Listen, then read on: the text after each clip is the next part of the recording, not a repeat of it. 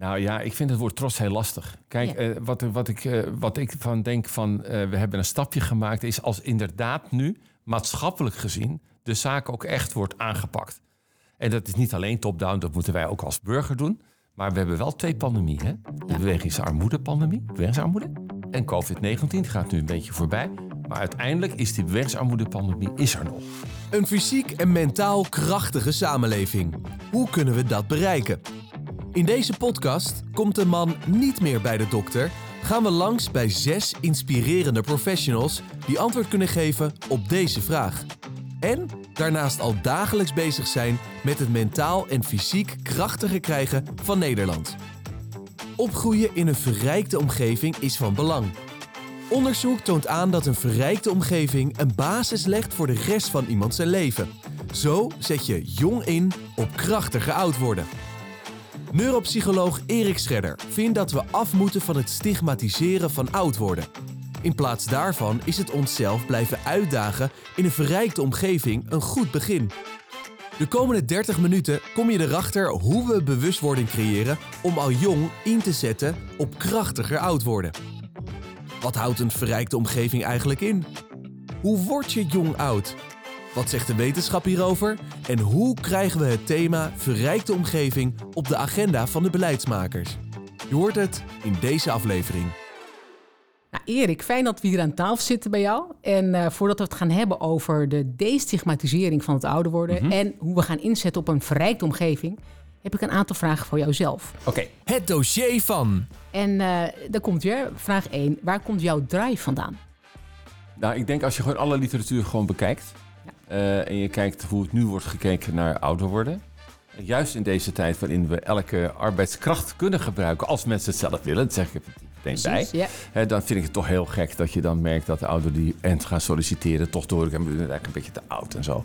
En eh, is het allemaal nog wel? Kan het allemaal nog wel? Ik denk, nou, wacht even. Kijk eventjes wat er gebeurt vanaf je dertigste. Je moet altijd binnen de groep kijken. Daar is de grootste variatie. Niet tussen groepen.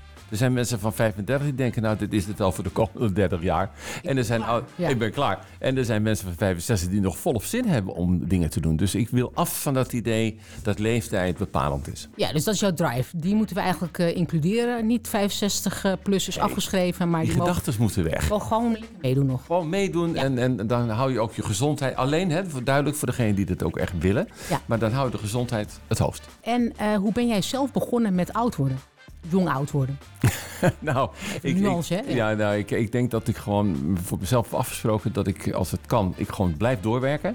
En dat ik ook niet, weet je, van zoiets van, nou, dat niet meer dan, want dat vond ik wat minder leuk. Nee, gewoon wat minder leuk is, is prima voor je. Juist moeite doen, hè? dat is de grote bottom line. Doe moeite. Nou, en blijf dat nou gewoon doen. En dan hoef je ook niet zo te denken aan, eh, aan ouder worden. Dus, eh, dat is een beetje mijn oplossing. Ja, dus moeite blijven doen, hoor ik jou zeggen. Dat moeite is echt wel blijven doen is essentieel. essentieel. Ja, daar komen we zo meteen ook nog op terug. En eh, dan ben ik ook benieuwd, wat heeft jou het afgelopen jaar het meest geraakt? Ehm, nou, in dit kader heeft wat mij het meest raakt, is nog dat de overheid, waar eh, die dan toch echt hier een, de lead kan komen, en daar gaan we het nog over hebben, dat die op deze manier toch een soort passieve houding aannemen. Er zijn wat initiatieven, gaan we het ook over hebben. Ja. Mooie initiatieven, maar niet nog zo dat ik denk, hé, hey, er gaat iets gebeuren, met name voor die mensen die het van huis uit niet zo makkelijk hebben. Er zijn een hele groep van mensen die natuurlijk niet morgen denken, haha, wat heb ik een fijne baan, wat doen mijn kinderen het goed en zo. Denk aan die mensen die in die wijken wonen. Daar hebben wij aan de overheid gevraagd. Help nou echt mee, top-down, als je begrijpt wat ik bedoel. En dat, dat heeft het hele jaar al, maar eerlijk gezegd al het jaar daarvoor ook. Maar ook dit jaar het meest bezig gehouden dat dat maar niet lukt. Ja, dus die groep moeten we eigenlijk bijkrijgen. En het, is, het komt maar niet door, die boodschap, ergens. Het komt niet door die boodschap, terwijl het eigenlijk voor de hand ligt. Als je bijvoorbeeld kijkt, of ik al een kleine uitwijking mag maken. Ja, ze- ja vooruit, vooruit, vooruit. Ja.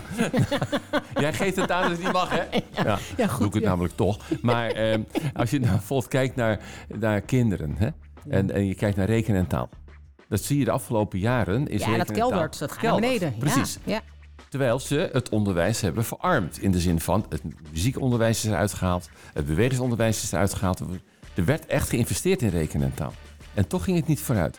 Het antwoord is, ja wacht even, misschien moet je juist muziek terugbrengen in de klas. Bewegen terugbrengen. Want een neuron, een zenuwcel, doet het het allerbeste als, je die, als die neuro dat die zenuwcel steeds iets anders wordt aangestuurd. Ja. Niet steeds hetzelfde. Ja. Doe het nou, haal het nou terug. Ja. Dan krijg je voor die kinderen een verrijkte omgeving.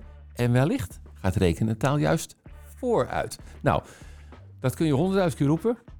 maar het is nog niet zo dat de overheid mij heeft gezegd... Eer, kom nou nog eens aan tafel. Leg het bij ons nou nog eens uit. Want nu moeten we nieuw beleid maken. Snap je dus? Ja, ik snap hem, want de boodschap is helder. Alleen, ja, dat ergens eh, is hun zenuw eh, nog niet geprikkeld. Dus dat is misschien ook wel een Nee, uitdaging. dus daar ligt nog een enorme uitdaging. Ja, mooi. En waar ben jij zelf het meest trots op? Nou ja, ik vind het woord trots heel lastig. Kijk, Ja. eh, wat, wat, ik, wat ik van denk van we hebben een stapje gemaakt, is als inderdaad nu maatschappelijk gezien de zaak ook echt wordt aangepakt. En dat is niet alleen top-down, dat moeten wij ook als burger doen. Maar we hebben wel twee pandemieën. Hè? De Ja. bewegingsarmoede-pandemie, bewegingsarmoede. En COVID-19 die gaat nu een beetje voorbij. Maar uiteindelijk is die bewegingsarmoede-pandemie is er nog. En kun je dat eens uitleggen? Bewegings... Want ik, snap hem wel, maar misschien voor de luisteraar Ja. is het nog niet Nou, helemaal bekend. Ik denk het wel, dat het nog niet bekend is. is super onbekend eigenlijk. Hè? Dus als je in grote zalen staat en je vraagt... en welke pandemie hebben we nog meer? Dan is het tijd stil. En dan roepen een aantal mensen... obesitas misschien? Ja, dat zit er wel in een relatie tot. Ja, hè? maar vast, officieel, WHO, bewegingsarmoede, physical inactivity. 2012. We zijn nu tien jaar verder. En even goed weten mensen het nog nauwelijks dat die pandemie er is. En je ziet ook met alle dingen die de overheid heeft gedaan, zoals preventieakkoord en dergelijke, hartstikke goed bedoeld. Maar het effect hè, is Ja. dat we nog evenveel overgewicht en obesitas hebben. Je, ho- je hoogst kunnen zeggen, als we het niet hadden gehad, was het nog meer geworden. Maar we, zijn, we hebben heel weinig gewonnen. Ondanks al die goede initiatieven. Dus er moet meer gebeuren.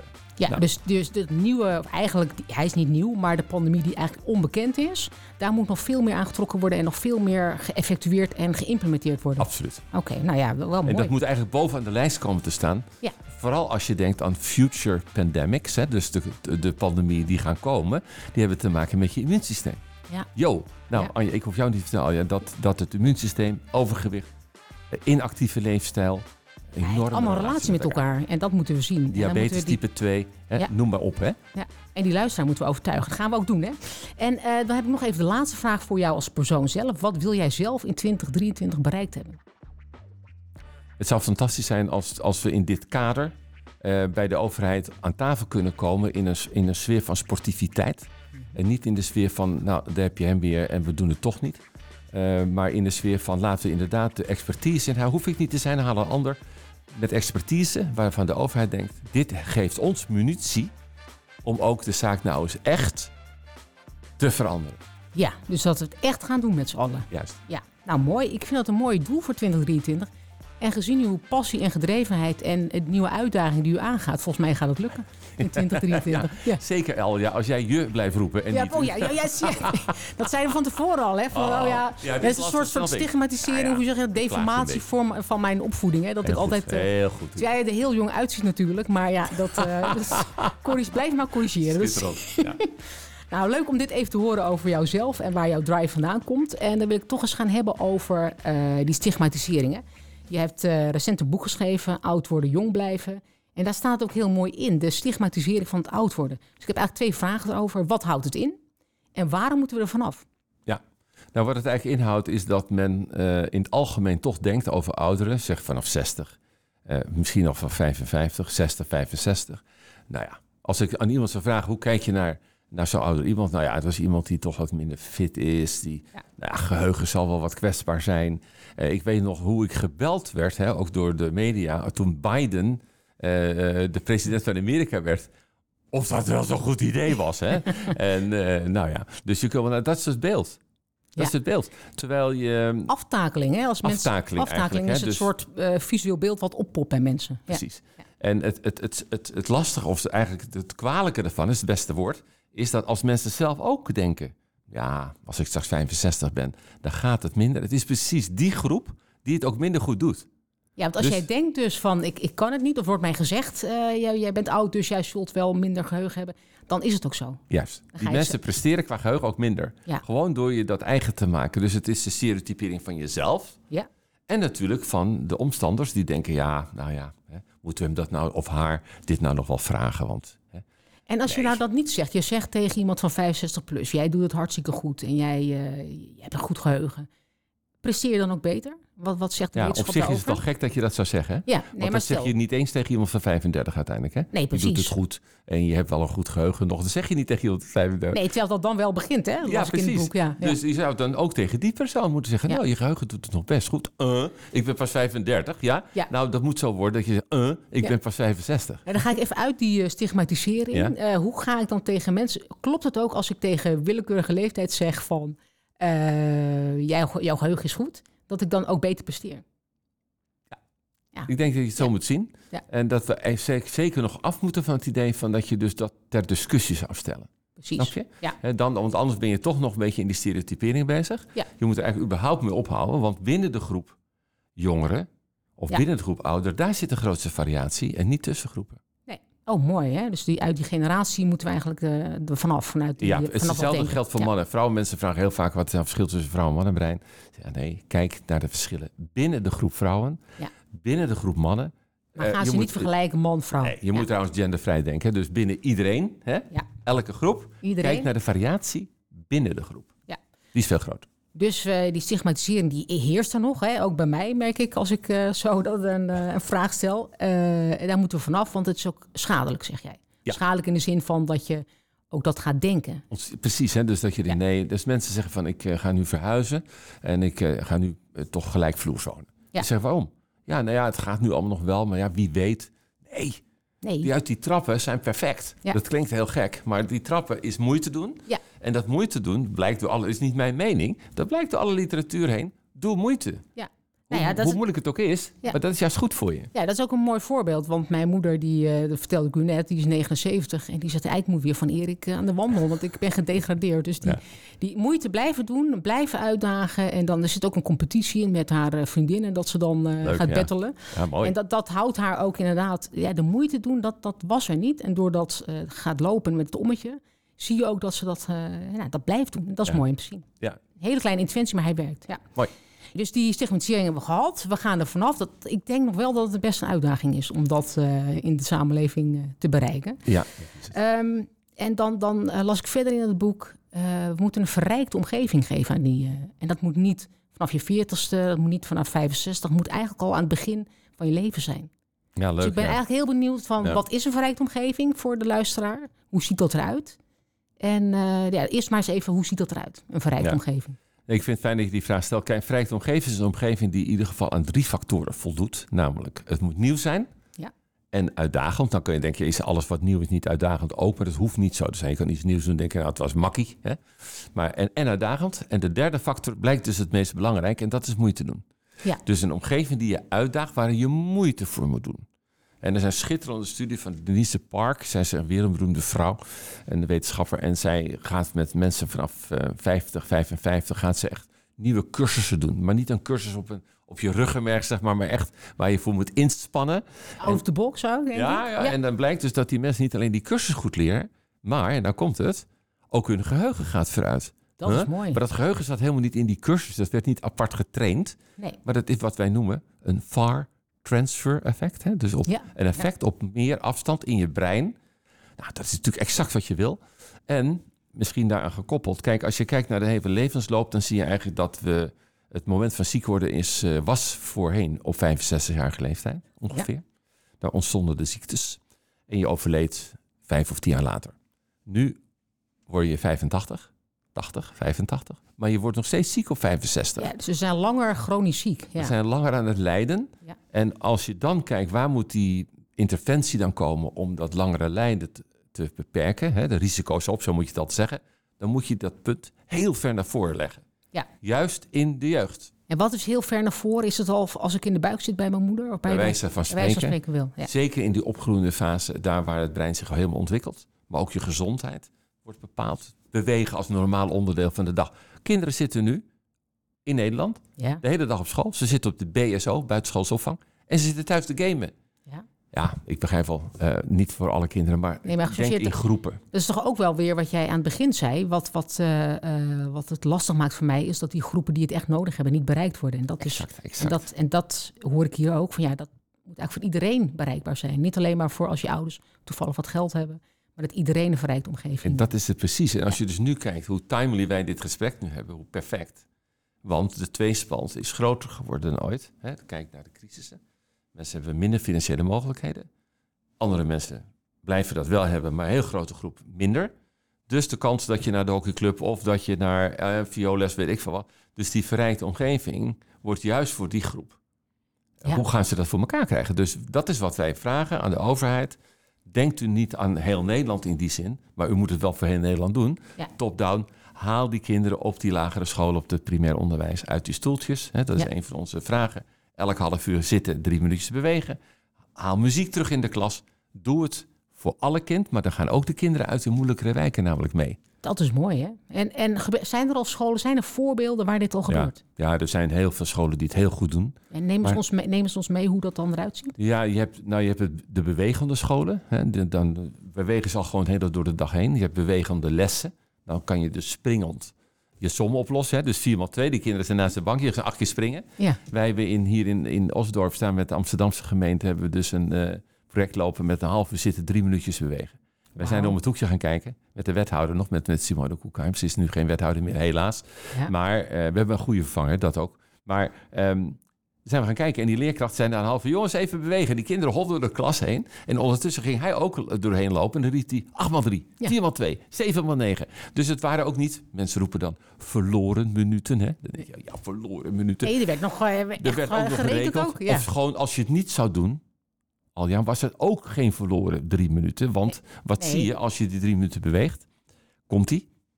Word je gevoeliger voor insuline? Al met drie minuten. En als je gevoelig wordt voor insuline, heb je minder risico op hart- en vaatziekten, obesitas en diabetes type 2. Diabetes type 2 is de ouderdomssuiker. Die komt in Nederland nu voor bij de, bij de jeugd. Hè? ja, vanwege Nou ja, het hoef ik jou niet te overgewicht. vertellen. Ja, maar dat is toch ook wel, vind ik mooi om te horen. En ik zou zo gunnen aan, aan eh, heel Nederland dat dit gewoon normaal beleid wordt. Dat het is, hè, dat, dat, dat de regering welzijn op hun eh, beleidsmatige nota zet en dat ook gaat opzetten. Waar dit gewoon normaal, dat het niet meer eh, abnormaal is, maar gewoon normaal. Je gaat naar school, je gaat bewegen. Ja, en, en weet je, mag ik met jou delen? Ja. Ik, wij vra- vragen aan de overheid, stopt u met het woord preventie, Ja. maar vertaal het in gezondheidsbescherming.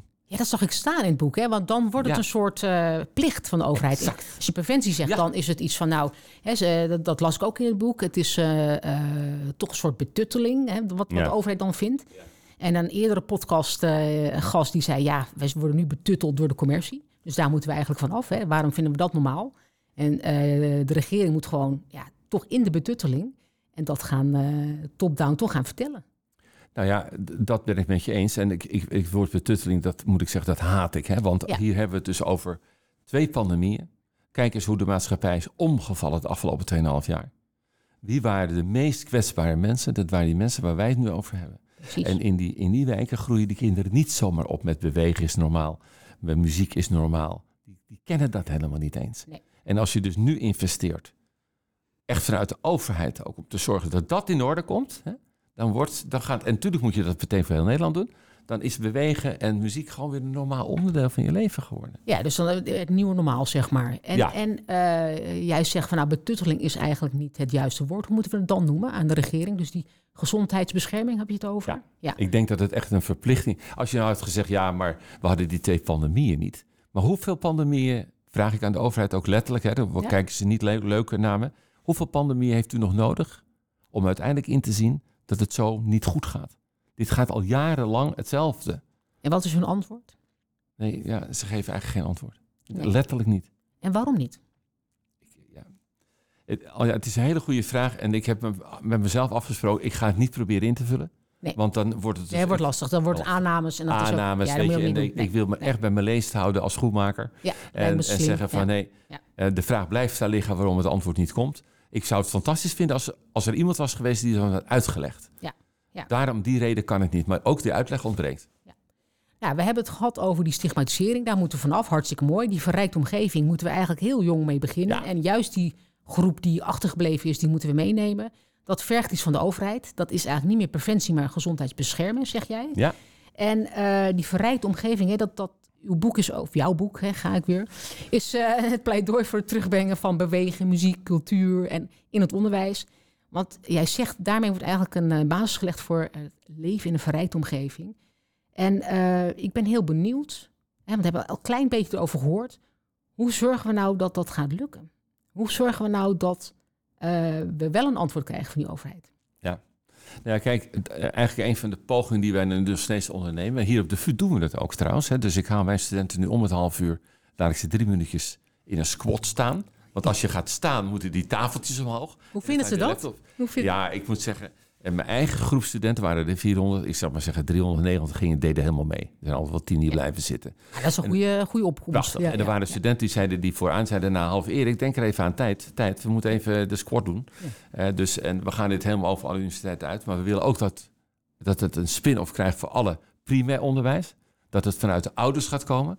Maar eh, kijk, de- ik vind gewoon, het antwoord is van, bijvoorbeeld het antwoord vaak is het curriculum is altijd te, te druk. Onzin. Half uurtje zitten, drie minuten bewegen. Doet niks af aan het curriculum, hè? Kun Helemaal niet. Je wordt juist fitter. Je, wordt wordt juist, fitter. je hebt veel meer eh, capaciteit om dingen op te nemen, merk ik Exact. zelf. Ja. Exact, hè? Ja. Dus dat is de selling point. Ja. Eh, het kost geen 1 euro. En zelfs deze, dit verzoek aan de overheid doet het nou voor alle kinderen in Nederland. Dus ook de wijken waar mensen het moeilijk hebben. Is een antwoord is, blijft uit. Hè? Dus eh, nee, nee, dat gaat niet gebeuren. En, en ik weet dus niet waarom. Maar dat zou de eerste stap kunnen zijn. Als je kijkt naar muziekonderwijs, kan je nog denken: is dat dan ook een belast van het curriculum? Nee, want je haalt gewoon weer vakleerkrachten terug erin. Krijgen de andere docenten weer even wat rust om dingen te doen. Het is een kwestie van inzien wat het belang is voor de ontwikkeling van het centraal zenuwstelsel. Kijk, elk neuron, zei ik al, wil het liefst iets anders worden aangestuurd. Ik weet niet of jij nog weet uit je studie de uitspraak van Donald diep, maar, nog? eh, Donald Hebb, weet je nog? Ja, mm, eh, Lastig, hè? ja, ja, Ja. lastig. Vertel ja, maar lang even. geleden hoor, lang geleden voor jou. Hoef je ook niet te weten. Maar Donald Hebb zei, neurons that fire together, wire together.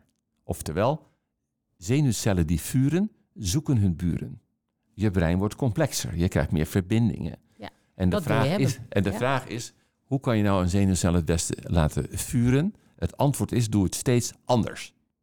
Nou, muziek, bewegen, dat is nooit hetzelfde. Super verrijkte omgeving. Dat kind moet zijn best doen. Die denkt, wat nu? Ik ga zingen, ik ga een instrument bespelen. We gaan uit die bankjes komen. Dat is de verrijking die uit die literatuur enorm naar voren komt. Ja, dus het heeft gewoon, de wetenschap zegt, hè, bewezen van dat heeft effect. Eh, nu moeten Op de ontwikkeling van het centraal zenuwstelsel. Hè? Ja.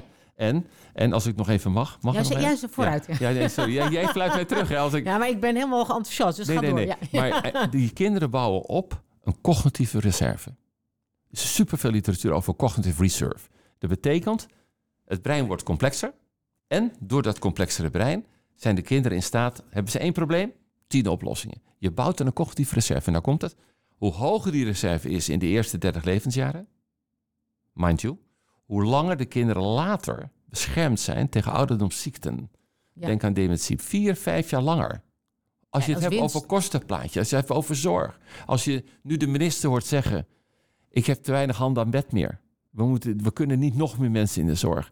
Er moet iets gedaan worden aan dit soort dingen. Dan denk ik, vraag me nog een keer aan tafel. Ja. Neem Aldia mee, Ja. dan eh, gaan we samen. En dan maken we daar even een heel hard punt. Maar even duidelijk statement maken. Nee, duidelijk. Het is gewoon, Ja. die evidentie ligt er gewoon. De eerste, maar die moet nog eventjes, eh, ja, ergens moet die doorkomen. Maar dat, En dat- waarom komt het niet door? ja, ja, dat, dat is heel, heel, heel eh, ja, ik weet het antwoord niet. Het is lastig, vind ik, ja. Ik, ik zou zeggen, volgens mij moet je het integreren in beleid. En moet daar gewoon een eh, minister van Welzijn komen. Is dat een idee? Het liefst hebben, we, hebben wij, dat we bedoeld met de groep van Joop Albeda, Louis van Gaal, eh, Epke, Sarina, hebben we zitten. En jij bent bij er nog 2020 ben geweest, hè, in Den Haag. Ja, ja, ja. En, en met hen. En, en eh, we hebben eigenlijk gevraagd, zet er iemand boven, boven de partijen. Want anders krijg je vier jaar lang iemand die het wel ziet zitten. En dan weer iemand die het niet ziet zitten. Of die het allemaal niet zo belangrijk vindt. Je moet er iemand boven de partijen doen die niet meer afhankelijk is van hoe vallen de verkiezingen uit. Kom op, dit is gewoon Nee, het is, volksgezondheid hè, waar we over praten. het Hè? is overstijgend. Dit gaat Overstijgend, exact. Precies. Ja. Ja. Het niet, moet gewoon niet afhangen Nee. van de goede zin. Van degene die er op dat moment zit. Nee. Ja. Ja. Nee, echt niet. Nou, duidelijk. En ehm, ja, die stappen, hè, want we hebben nu even gehad over hoe gaan we dat bereiken. En wat zijn dingen, want er gebeurt al best wel veel. Want ik ben best wel enthousiast over het verhaal van jou hier in, eh, in Amsterdam. Ik denk, nou, dat zou mooi zijn als het in heel Nederland ook eh, aankomt. Wat kan er nog meer gedaan worden als we het een beetje concretiseren? Want dat is altijd ook wel fijn voor mensen die eh, beleid maken. Wat kunnen we nu doen in 2023? Ja, nou, dat is dus dat eh, is het, eh, de, eh, de kant die we nog niet hebben belicht. En dat is dat vanuit VWS is er nu de Beweegalliantie opgetuigd. Ja, dus er En de- is iets. Ja. Dus een grote groep mensen. met eh, Karel Verheijen is nu de voorzitter van die club. En die denken met elkaar dus over waar moeten we met, de, met het bewegen in Nederland heen. En dat is op zich fijn dat dat er is. Eh, en die mensen denken ook met elkaar, maar het is niet maar. Het is in ieder geval belangrijk dat er bottom-up nog meer gebeurt. Dus het is heel erg bottom-up wel. Dus er moet vanuit de bevolking komen, vanuit de initiatieven komen die de bevolking meeneemt, vanuit de gemeentes, afijn, enz, enzovoort. Eh, daar komt nog een, een uitkomst van. Dus die resultaten ken ik nog niet. Ik weet alleen dat ze een aantal keren bij elkaar zijn geweest. Als ik wel aan hun vraag, en zit er nou een plan bij top-down voor de afstandswijken? Dan hoor ik er niks over. Dus daar is eigenlijk wel iets moois te halen voor komend jaar. Daar moeten we echt die stap maken. Ja, dan, daar moet je hem gaan, gaan effectueren. Exact. Anders blijft een plan en wordt het niet eh, ingezet. Dan zullen er heel veel mooie initiatieven komen, maar al ja, er waren natuurlijk al heel veel initiatieven. Ja. Het is niet zo. Eh, en misschien een vraagje aan jou, als dat mag. Ja, nou, vooruit. Eh, er waren al heel veel initiatieven in Nederland. Denk Ja. aan buurtcoaches, de hele mikmak. Hè? Ontzettend mooi. Laten we dat vooropstellen. Ja. Hoeveel procent van de Nederlandse bevolking is meer gaan voldoen aan de beweegnorm, die inmiddels overigens achterhaald is? Dat zijn 150 minuten per week bewegen. Gedurende de afgelopen 20 jaar. Mind you, hè, dus 20 jaar lang, afgelopen 20 jaar. En rekening houdend met alle initiatieven die er al waren. Vrees dat het antwoord is niet zo heel veel. Ja, je hebt helemaal gelijk, het was 5 procent. Oei. Dus ik zeg tegen de overheid: U komt nu met de Beweegalliantie. Heel mooi. Karel, fantastische man. Dus daar ligt het helemaal niet aan. Maar nog meer van hetzelfde. Hoeveel heeft het geholpen in de afgelopen 20 jaar? Als u niet meeduwt van bovenaf, hè, dan, dan houden we de goede wil en de toegang, de vrije toegang, daar maken wij ons meeste druk over. Ja. Wij mogen nog steeds kiezen of we het straks gaan doen of niet. Nee, u moet meehelpen. 5% in 20 jaar. Maakt dat jou niet ook toch... Hoe kijk je daarnaar? Ben ik toch benieuwd naar. Ikzelf. Ja, Nou ja, het, is soms wel, eh, als, als zorgverlener, hè, vraag je Ja. mij nu. Ja, en, en, nou, het is wel soms lastig, merk ik, dat als je er heel veel effort in stopt en dat er eh, weinig winst hè, op, op, landelijk niveau bereikt wordt. Waar ik wel blij van word, is als ik wel iemand heb en die zit tegenover me en die heb ik zover, ja, dan ga ik blij naar huis. Denk, oh, er is er weer eentje die gezien heeft wat, het, wat voor effect het kan hebben. Alleen op groter populatieniveau is er nog wel winst te halen. Dus dat, ja, dan moet je niet gedemotiveerd van raken. Dan moet je juist denken, hoe ga ik het anders doen? exact. Dus, ik, eh, ik word er dat- echt strijdvaardig van. Strijdvaardig, dat is wat, mij, wat het mij doet. Eh, maar je moet niet de moed verliezen, want dan ga je de wedstrijd niet winnen. Nee. Dat is het eigenlijk. Ja, Merk ik bij mezelf. Ja. Ja. Ja. Dus daar ben ik helemaal met je eens. Nou, mooi. Ehm, ja, wij hebben het dus weer gehad. Hè. Even korte samenvatting. Die destigmatisering. eh, dat wordt wel lastig iets, heb ik ook al genoemd. De verrijkte omgeving.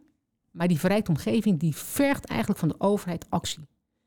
En eh, ik merk het tijdens het gesprek. eh, ben ik heel enthousiast, maar ik denk er ligt nog wel wat, wat werk te verrichten. En dat zit met name ook in het gaan toepassen. Er liggen heel veel mooie plannen.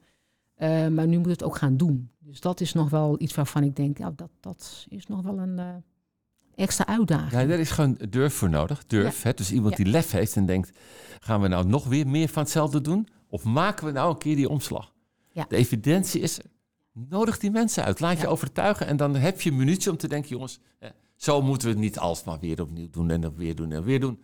Dit is toch het kantelpunt. En wat is het nog? Haal die kinderen uit die bankjes. Breng muziek terug in de klas. Ja. Kijk naar die verrijking en doe dan... Ik weet nog dat ik de gast was eh, bij curriculum.nu. Ik weet niet of je dat iets zegt, maar Ja, we hadden eerst het eh, programma van Paul Snabel, 2032. Dat is toen overgegaan in curriculum.nu, ik denk vijf jaar geleden. Ik deed de keynote, hartstikke leuk. Daar waren alle mensen aanwezig. Die gingen over wat gaan we nu doen de komende vijf jaar. Ik heb een pleidooi gehouden voor bewegen en muziek. Het heeft gewoon niks uitgehaald. Niet vanwege mij, begrijp me, dit is niet verkeerd. Maar Ja. het verandert dus helemaal niks. Terwijl je dan gewoon een uur lang laat zien hoe die netwerken, die dat werkt te en maken wat- hebben met rekenen en taal, hoe die een overlap vertonen, al ja, Ja. met bewegen, met muziek. Neurons that fire are Ja. neurons that wire. Ja, en die verrijkte omgeving moeten we dus hebben om dat brein dus eh, die netwerken te laten creëren. Ik heb nog één vraag aan u. Wat is het advies aan de luisteraar? Het advies aan de luisteraar is van, nou, zorg vooral dat u zelf, u zelf gaat overtuigen van het belang van een actieve, gezonde leefstijl. En dat vraagt moeite. Moeite doen is essentieel. Dus u heeft uw gewoontes. Uh, u denkt, ja, moet ik nou tijdens de vergadering gaan staan? Antwoord is ja. U zal de eerste zijn die gaat staan. Iedereen kijkt u aan van, nou ja, hè, moet dat nou? Doe het. En na verloop van tijd gaat de rest ook meestaan. Maar er is durf voor nodig en dat kost moeite. Maar het is voor uzelf heel belonend. Dus doe het gewoon. Doe het. Durf en moeite en gewoon doen. Nou ja, uh, Erik, hartstikke bedankt voor dit verrijkte gesprek. Ik neem mee eigenlijk dat uh, blijf jezelf uitdagen, zowel mentaal als fysiek. Start er jong mee en hou het vol. En overheid, ja, durf dit op te pakken. Ja. Dankjewel. Dank je ook. Dit was hem dan, de laatste aflevering van deze eerste serie van zes, waarin we langs zijn gegaan bij inspirerende professionals. Zoals Norbert van der Hurk over het creëren van een gezond dorp. Daan Bultje over meer gezonde levensjaren toevoegen in een regio. Kees Kraaienveld over een mentaal krachtiger Nederland. Janieke Hertogs met tools om mentaal en fysiek krachtige gewoontes aan te leren. Iris de Vries over een mentaal en fysiek krachtige Nederland. En tot slot natuurlijk Erik Scherder over het belang van een verrijkte omgeving. Allemaal met een eigen boodschap om Nederland fysiek en mentaal krachtiger te krijgen. Alle afleveringen zijn terug te luisteren en vergeet natuurlijk niet te abonneren om op de hoogte te zijn van een nieuw seizoen. Dank voor het luisteren.